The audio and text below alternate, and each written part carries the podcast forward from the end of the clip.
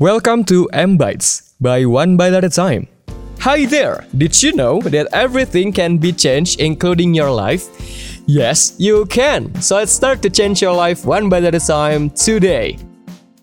So, welcome back to the M Bytes this month, Gradual Change. In the first part, we've talked about three words that can help us to achieve that gradual change that we really want in our life.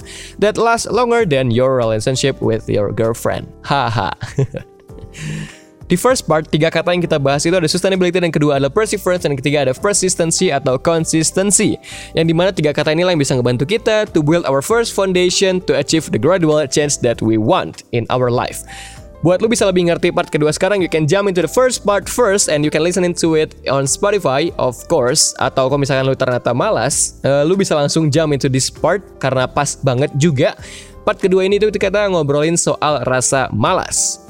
So, without further ado, let's jump into the topic. Rasa malas. Kalau lu tahu itu ada namanya Parkinson's Law yang ngasih tauin kita bahwa ternyata time allocated makin dikit untuk task kita diselesain, itu makin banyak effort yang bakal kita kasih ke task tersebut. Dan menurut gua sendiri, sebenarnya hal ini jadi salah satu sisi positif dari rasa malas.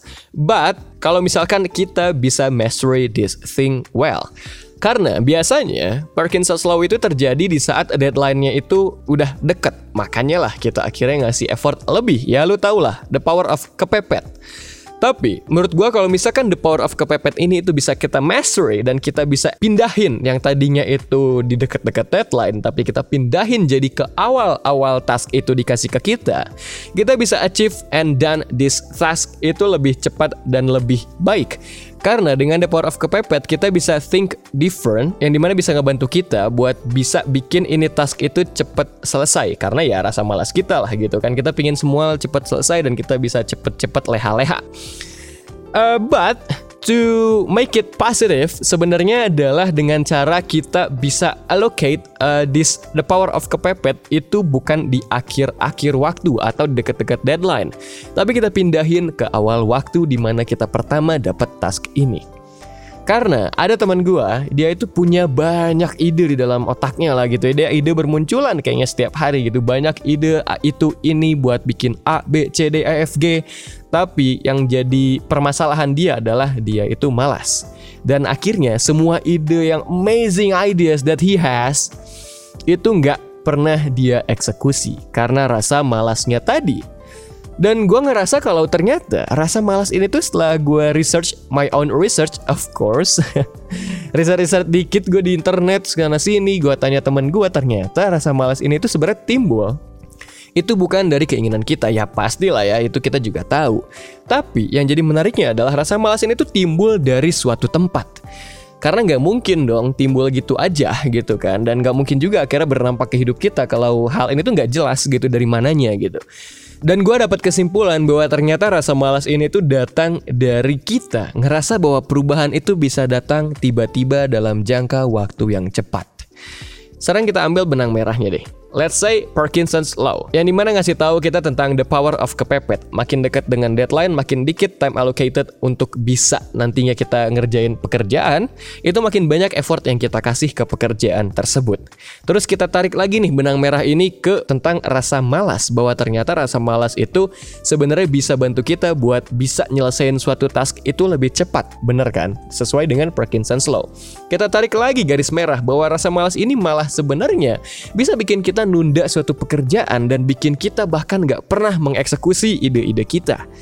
So, kesimpulannya adalah kita itu ngerasa bahwa task kita atau suatu pekerjaan atau keinginan kita itu bisa kita achieve cepat dan dari situlah dengan kita ngerasa itu bisa kita achieve dengan waktu yang cepat, akhirnya kita punya tendensi untuk menunda pekerjaan tersebut sampai akhirnya kita nggak pernah mengeksekusi sama sekali.